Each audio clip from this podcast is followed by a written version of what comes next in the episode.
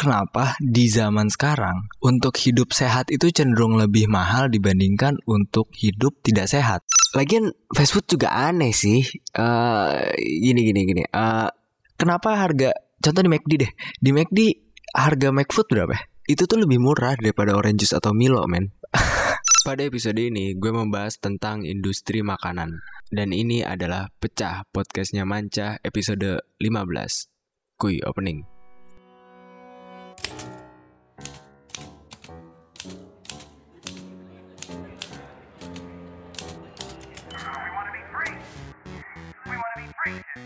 You're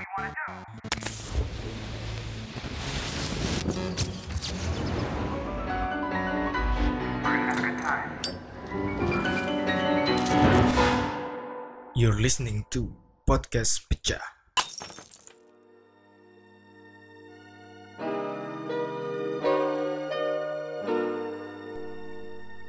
Yo balik lagi di Pecah Podcastnya Manca Eh, Gimana puasanya? Eh, udah bolong berapa nih? Ya kali, udah banyak ya? Nggak apa-apa tahu bolong kan bisa diganti lagi gitu Eh, Menurut gua paling enak itu bulan puasa tuh kalau di Jogja sih Eh, Gua nggak tahu di daerah lain kayak gimana Karena gua nge-compare ini cuman di Jogja sama di Bekasi gitu kalau di Jogja eh, itu enaknya banyak tempat-tempat yang menyediakan eh, bukaan gratis, takjil gratis. Sebenarnya bukan takjil sih. Eh, kalau di Bekasi juga ada di masjid-masjid gitu juga banyak sih yang kayak nyediain eh ya gorengan atau teh yang kayak gitu-gitu mah banyak. Tapi kalau di Jogja tuh banyak banget cuy yang nyediain makan besar gitu, beneran kayak makan besar gitu, sumpah banyak banget dan dulu udah lewat sih masanya gua buat nge-explore masjid-masjid yang memberikan makanan-makanan enak yang cocok buat anak-anak kos gembel ya. Tapi kalau misalnya eh, sekarang tuh ya ya karena udah tahu dan udah nyari yang deket-deket aja gitu. Cik gitu. Anak gratisan juga nih ternyata mancah ya. Ya iyalah, anak kosan. Mau gimana juga gratis is gratis. Eh, ada juga bahkan nih di Jogja tuh masjid yang kayak nge-share gitu cuy. Eh, menunya apa aja? Sumpah ada ada. Jadi menu hari ini tuh misalnya ayam menu menu besoknya tuh rendang gitu. Nah biasanya banyak anak kosan-kosan kampret Eh, salah satunya gua sih jelas lah.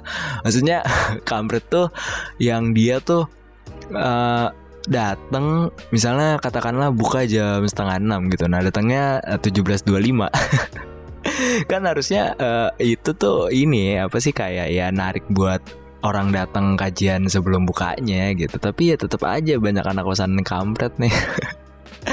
Aduh aduh. Ya namanya manusia ya. Kalau di daerah kalian tuh kayak gimana? Banyak tempat-tempat kayak gitu nggak? Eh, kalau di Bekasi sih gue ja eh, gue nggak tahu sih gue nggak gua nggak bisa bilang nggak ada yang jelas tapi menurut gue jarang Eh, at least yang deket-deket lingkungan gue atau yang tempat-tempat yang gue lewatin itu jarang sih masjid-masjidnya kayak gitu. Kalau di ka- daerah kalian kayak gimana? Eh, komen dong di bawah cik gitu kayak YouTube YouTube nih. ya siapa tahu ada yang komen, jadi bisa balas-balasan komen kan lucu gitu loh. Gimana sih? Eh, menurut gue, ya gue ngomongin tentang Ramadan ya. Menurut gue eh, Ramadan itu eh, tentang eh, kebersamaan. Tapi nggak cuma kebersamaan, tentang makan juga gitu. Ma- Ramadan tentang kebersamaan di mana eh, normalnya gitu kalau emang kita tinggal di rumah gitu nggak ngekos yang sendirian gitu atau kayak gimana. Eh, kebersamaan yang gue maksud adalah ketika lo mungkin punya banyak waktu buat ketemu makan bareng sama keluarga paling nggak kan ada obrolan-obrolan yang kayak gitu ya maksudnya yang kayak ya sambil makan ngobrol lah gitu sama orang tua sama mama papa. Mama papa? Enggak sih gue nggak manggil kayak gitu. Maksud gue ya kebersamaan gitu itu tuh hal yang disyukuri banget sih. Karena jujur yang bikin berat sahur sebagai anak merantau itu bukan cuman tentang bete-nya lu mesti nyalain motor gitu buat sahur doang, tapi juga tentang kebersamaannya gitu ya. Emang sih kalau misalnya lo ngekos gitu mungkin lo bisa sahur sama anak-anak kosan lo apa gimana. Tapi nggak ya nggak sehangat sama keluarga gitu sih. Iya kan? Ya pokoknya gitulah maksud gua. Tentang kebersamaan itu men yang yang yang menurut gua penting banget. Dan ketika ketika itu nggak begitu ada. Itu tuh menurut gua mempengaruhi selebrasi dalam tanda kutip eh, di Ramadan ini di bulan Ramadan maksud gua.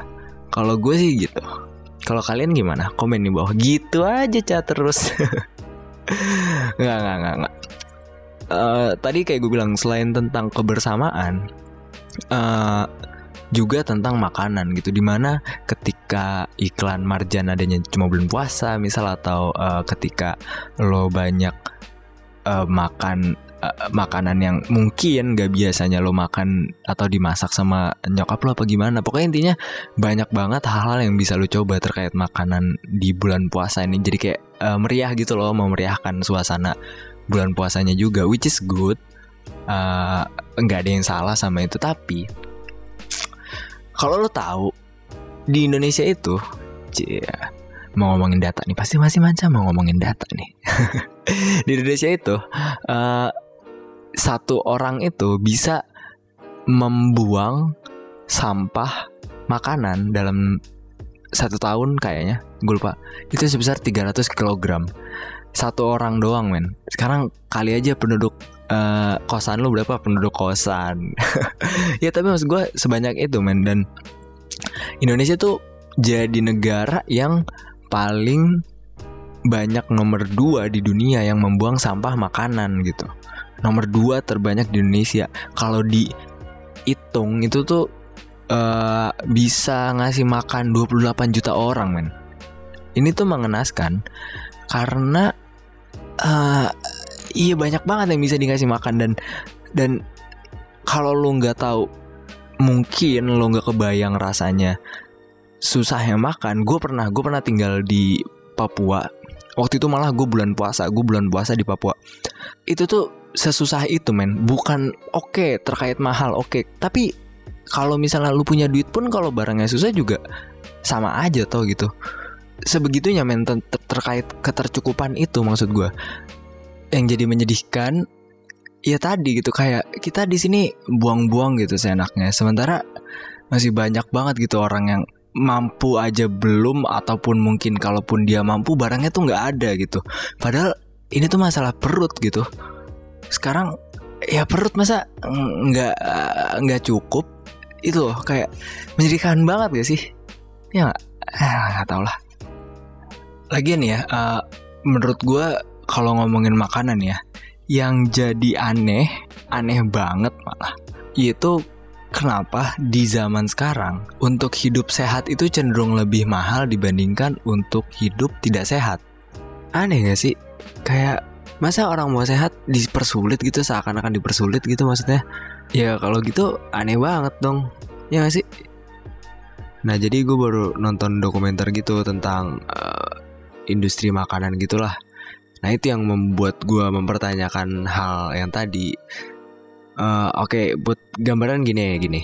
Eh, eh, berapa sih yang bisa lo dapat untuk eh, buat makanan sehat gitu, membuat makanan sehat atau beli makanan yang emang sehat gitu, organik atau apa pun itu intinya yang emang sebenarnya baik untuk kesehatan dengan uang 100.000 ribu gitu. Dibandingkan sama ketika lo menggunakan jumlah uang yang sama untuk beli makanan yang dalam tanda kutip nggak sehat. Nah coba dapat apa sih paling gitu maksudnya? Eh, mending beli fast food gak sih? Duit 100 ribu udah lumayan jelas gitu dapatnya apa, kenyangnya kayak seberapa gitu lebih terukur kan daripada kita beli satu-satu gitu beli wortel beli apa lama bikinnya juga capek bla kan selalu itu yang sering jadi konsiderasi Eh, lagian fast food juga aneh sih Eh, gini gini gini Eh, kenapa harga contoh di McD deh. Di McD harga McFood berapa ya? itu tuh lebih murah daripada orange juice atau Milo men. Ya kenapa gitu gitu loh? Kayak oke gue kesel banget tuh kalau misalnya ada restoran atau kayak apa gitu yang jual jual air putihnya aja tuh dijual gitu. Maksud gue please lah gitu air putih men. Gratisin aja sih. Ya Allah air putih dijual gitu. Maksud gue ah, ah, aneh sih. Itu kalau aduh nih oke kita ngomongin uh, industri makanan gitu ya. Tadi pertanyaan besarnya tetap tadi, kenapa kita sekarang uh, hidup sehat itu cenderung lebih mahal dibandingkan hidup nggak sehat? Sebenarnya uh, ini semua berasal dari awalnya tuh bagaimana fast food menjalar gitu. Ketika fast food menjalar uh, di Amerika sana, itu tuh merubah, merevolusi uh, cara kita memandang makanan gitu. Dulu pun di Amerika nggak gitu. Maksudnya ketika ada fast food itu tuh merubah uh, the way of life-nya juga gitu. Ya kayak tadi lagi makanan tuh basic banget kan. Jadi ketika itu yang sangat revolusioner adalah ketika uh, si fast food ini dulu kan awalnya uh, kayak uh, yang kafe terus lo mesennya tuh uh, di, di depan di mobil gitu terus di parkir mobil atau di kendaraan lo nanti dia keluar nge, uh, nanyain pesanan lo apa dia masuk ke dalam nyiapin ntar lo keluar lagi uh, lo keluar lagi si pelayannya keluar lagi bawain makanannya. Nah terus sangat revolusioner ketika itu dirubah gitu. Ketika uh, itu diindustrialisasi di mana uh, fast food itu ngerubah caranya di mana orang tuh oke okay, di di di situ sekarang kita ganti nih biar efektif biar efisien uh, pekerjanya itu cuma saat punya satu job. Itu revolusioner banget men. Kenapa sangat revolusioner?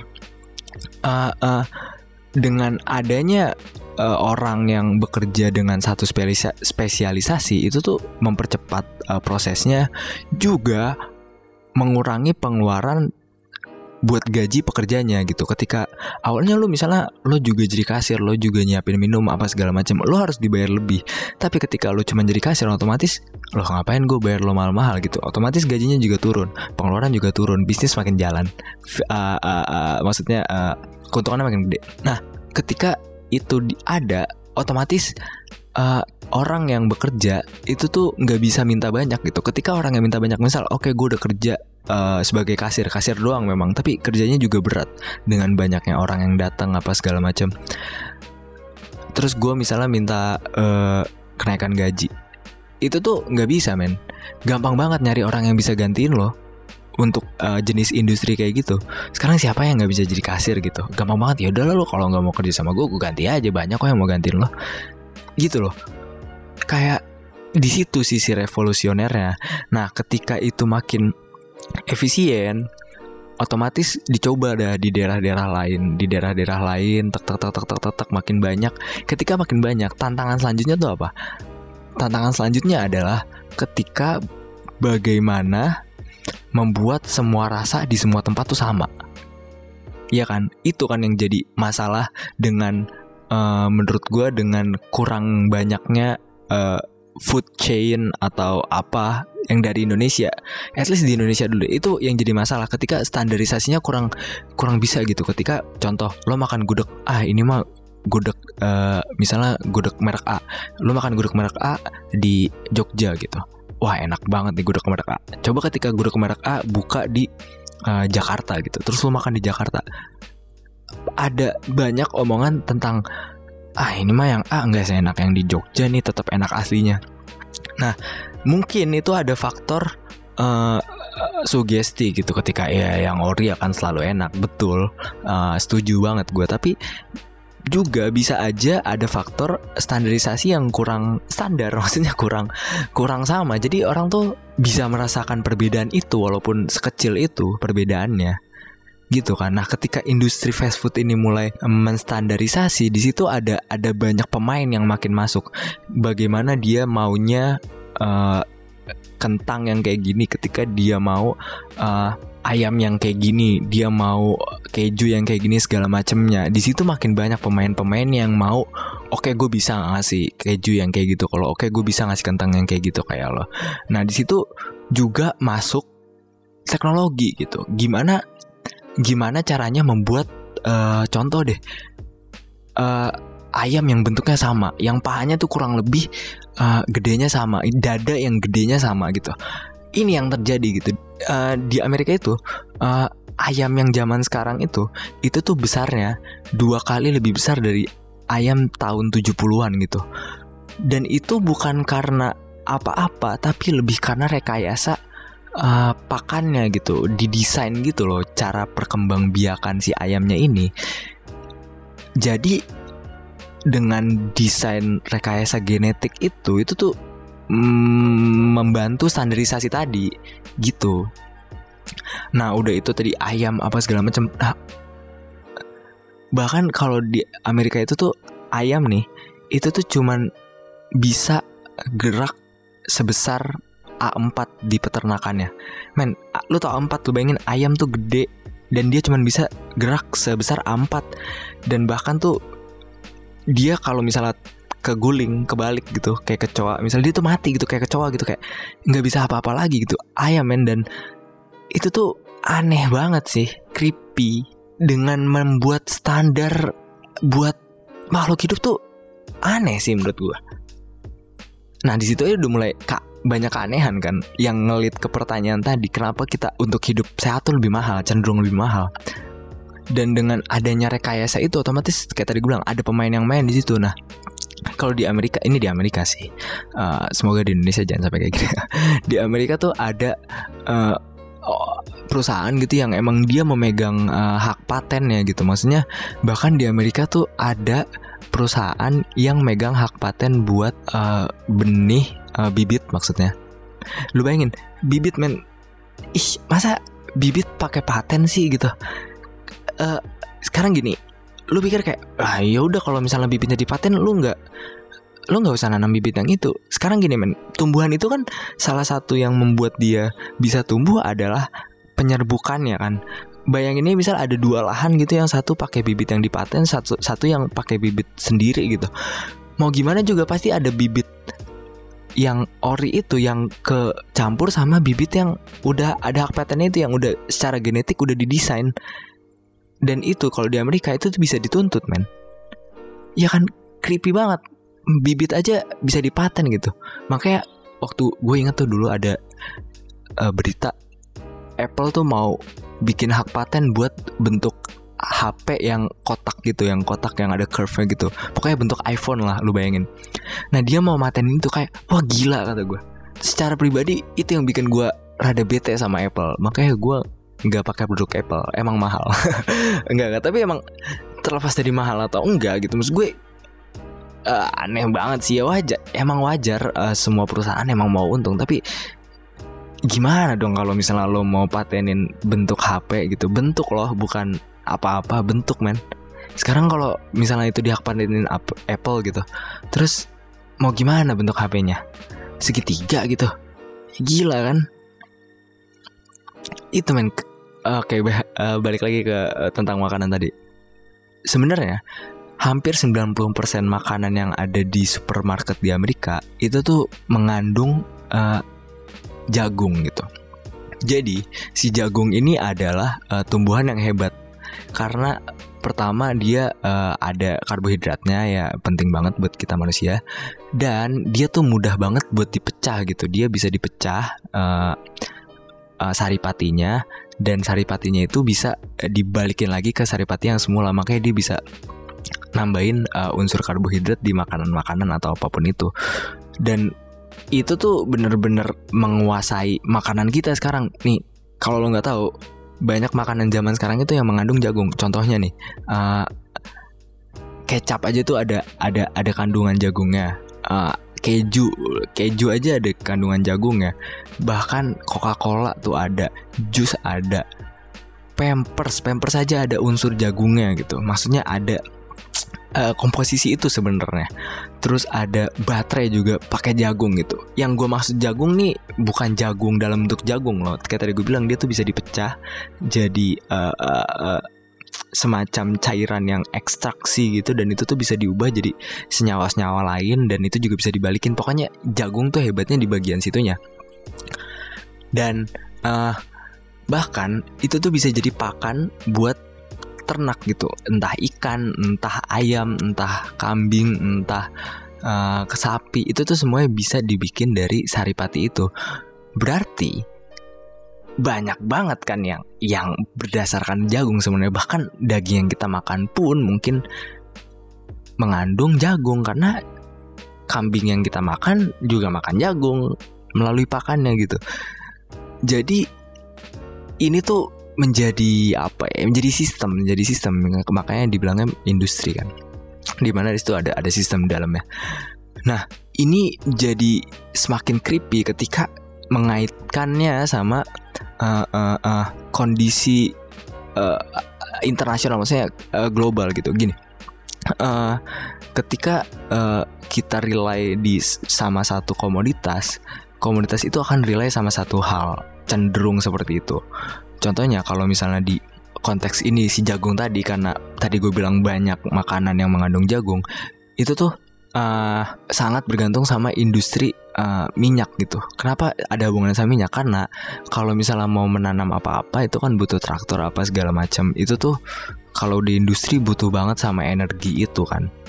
Nah, ketika ada goncangan di industri itu tuh juga sangat berpengaruh sama goncangan uh, di industri makanan. Bayangin kan, makanan aja bisa tergoncang sama industri gitu. Kayak resiliennya tuh dipertanyakan kan dengan kayak gitu. Uh, dan dengan kayak gitu ketergantungan itu berarti bisa banget buat nyiptain chaos yang mana sebenarnya udah terjadi di Venezuela itu pernah terjadi chaos cuman karena makanan gitu. Bukan cuma sih nggak bisa dibilang cuma jelas. Iya karena makanan gitu karena industrinya tuh minyak naik apa segala macam harga makanan jadi mahal. Mereka nggak tahu lagi mau dari mana. Ya chaos anjir makan lu nggak bisa makan gimana dong? Chaos aja udah ya itu men. Di situ bagian bagian creepy-nya dari the whole system uh, food industry ini.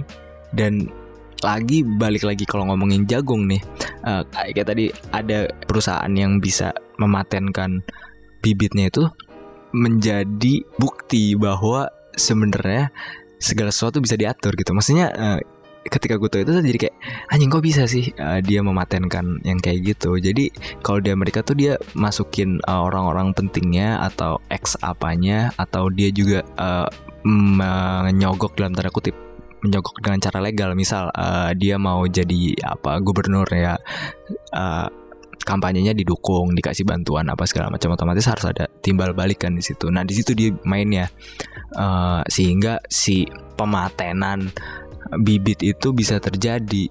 Jadi gitu cuy. Dari film yang gue tonton yang judulnya Food Inc itu. Judulnya Food Inc. F O O D I N C. Lo cari aja lah. Gue sih rekomen banget sih. Rekomen banget buat nonton itu. Lo bisa uh, take a look deeper dibandingkan yang gue ceritain di sini jelas. Uh, dan jadi membuat kita berpikir lagi terkait bukan cuman terkait bagaimana kita makan di McD atau enggak nih? Makan fast food atau enggak? Itu sih uh, enggak gimana gimana. Karena di Indonesia uh, untungnya uh, banyak sistemnya tuh nggak begitu belum begitu industri. Walaupun sebenarnya ada deh sih. Kalau di Indonesia tuh setahu gue yang creepy itu Indofood. Kenapa Indofood itu creepy? Uh, anjir nih gue uh, creepy-nya tuh karena dia menguasai dari hulu sampai hilir. Jadi Indofood tuh punya apa punya peternakan, punya eh perkebunan, perkebunan sendiri, punya ininya sendiri, punya itunya sendiri. Jadi dia iya industri yang sangat kuat dan sustainability-nya cenderung bisa dipastikan gitu. Karena ketika ya lu punya semuanya gitu. Lu nggak kasarannya lo dalam produksi lo nggak butuh orang lain. Yang lo butuh adalah diri lo sendiri. Tonton aja deh pokoknya namanya Food Inc. Jadi itu cuy bagaimana uh, go lokal itu jadi penting dengan adanya ini menurut gua? Uh, membeli di pasar membeli barang-barang yang lokal itu tuh sangat membantu untuk mencegah hal-hal seperti ini. Ada sisi baiknya ketika memang kalau ada industrinya itu jelas terkait efisiensi apa segala macam itu tuh bisa bisa uh, ada kebaikan ya di situ. Tapi uh, ketika hal-hal basic itu dilepas ke industri menurut gua dengan gua nonton ini itu tuh jadi dipertanyakan gitu keberlanjutannya dengan uh, pemaksaan di sana sini dengan uh, bagaimana dia mem membuat dia untuk lebih banyak untungnya dengan nyogok sana sini masuk ke pemerintahan. Itu sih cuy. Gue juga belajar tentang bagaimana sebenarnya kita bisa untuk dalam tanda kutip uh, menguntungkan diri sendiri dengan cara-cara yang legal gitu ya kayak gitu bisa aja lo bikin kontrak politik apa segala macam. Sebenarnya gue yakin uh, udah banyak terjadi di antara stakeholder dengan uh, industri uh, yakin gue sih banyak hal-hal kayak gitu. Ya banyak lah emang manusia kan tentang uh, ya homo economicus ya. Jadi ya bagaimana kita akan selalu mencari untung bagaimana kita uh, bertransaksi mencukupi satu sama lain dan lain sebagainya itu akan selalu ada dan itu nggak bisa dipisahkan. Tapi bagaimana ada pemain yang yang jadi wasitnya bukan ada pemain yang jadi wasit siapa yang menjadi wasitnya dan bagaimana dia mewasiti uh, pihak-pihak itu yang yang harusnya uh, bisa di apa ya ya nggak tahu lah gue gue ngomong apa nggak tahu lah gue cuy. Semua semua nggak jelas. Oke lah gue mau baca uh, email aja. Kebetulan ada yang email terima kasih buat yang meng-email ke podcast petjah@gmail.com uh, ada dua nih yang email. Um, pertama dari Tepi Kuncoro.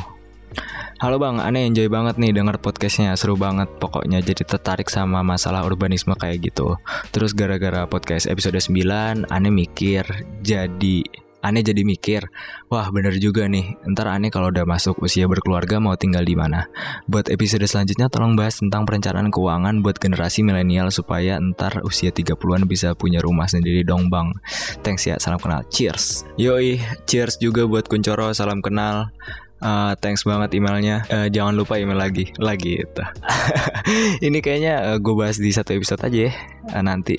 Uh, soalnya kalau gue bahas di sini sayang nggak bisa dalam. Dan mungkin since gue sebenarnya lebih ke urbanismenya karena lo kan ini pertanyaannya tentang uh, perencanaan keuangan ya mungkin nanti gue ngobrol sama temen gue ya kali ya, yang paham terkait kayak gini-ginian.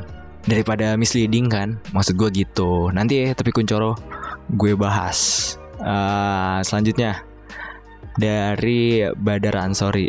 Bang kenalin gue Badar Kebetulan gue lagi nyari podcast asik di SoundCloud dan nemu podcast lo. Weh, thanks man. Gue punya pertanyaan nih buat lo. Uh, mungkin bisa dibahas di episode berikutnya. Pertama, gue mau tanya tentang pendapat lo tentang taman yang ada di Jalan Lembah UGM. Sorry, gue nggak tahu namanya. Uh, itu namanya uh, Taman Kearifan, Wisdom Park namanya. Uh, mana tadi? Tadi sampai mana? oh ya, gue denger podcast lo yang episode 14 bahas tentang taman. Jadi kepikiran itu taman soalnya menurut gue itu taman sangat potensial buat jadi sarana kumpul-kumpul yang emang diskusi atau kumpul-kumpul yang sedang yang sekedar asikin aja dan bahkan olahraga. Gue merasa beruntung sih pernah meluangkan waktu ke sana. Jadi gue terpikirkan hal ini karena mungkin salah satu penyebab kenapa orang nggak sadar sama bagusnya taman itu karena dia nggak punya waktu untuk ke sana dan merasakan sendiri. Nah, pertanyaan kedua gue, lu kalau dikasih kesempatan membuat rancangan mengkomersikan taman itu ke masyarakat, gimana cara lu mengkomersilkannya? Thank you bang. BTW gue kuliah di Jogja tapi bukan di kampus lu, gue di Mirota kampus. Wadaw. lu di Mirota kampus, nah gue di Mirota Batik situ deket Malioboro. krik krik garing. Oke lanjut. Uh, lanjut maksudnya dijawab. Uh, Oke, thanks sekali lagi buat Badar. Hmm, pertanyaan pertama tadi tentang uh, pendapat soal tentang taman yang di Lembah UGM yang tadi Taman uh, Wisdom Park. Uh, uh, tentang Wisdom Park itu menurut gua apa nih bahas apanya nih pendapat gua? Pendapat gua itu taman yang uh, oke okay banget, oke okay banget karena uh, itu punya ruang-ruang yang jelas pembedanya tapi tetap seamlessly terhubung. Maksudnya gini, itu ada ada amphitheaternya bisa buat dipakai diskusi terus juga ada tempat yang instagramable. Ya buat kalian-kalian yang ke taman buat foto-foto it's okay sebenarnya. Uh, itu juga ada terus juga ecologically banyak ruang terbukanya. Maksudnya emang taman kan ruang terbuka cah. Lo gimana sih? Maksudnya kayak banyak ruang-ruang serapan airnya itu jelas. Dan itu juga dekat sama uh, pusat apa sih namanya? Pusat jajanannya UGM pusat jajanannya UGM apa sih itu namanya? Gue bukan orang situ cuy. Anak teknik gue kagak main-main ke situ. Gue lupa apa sih itu food BNI Food Park. Astaga.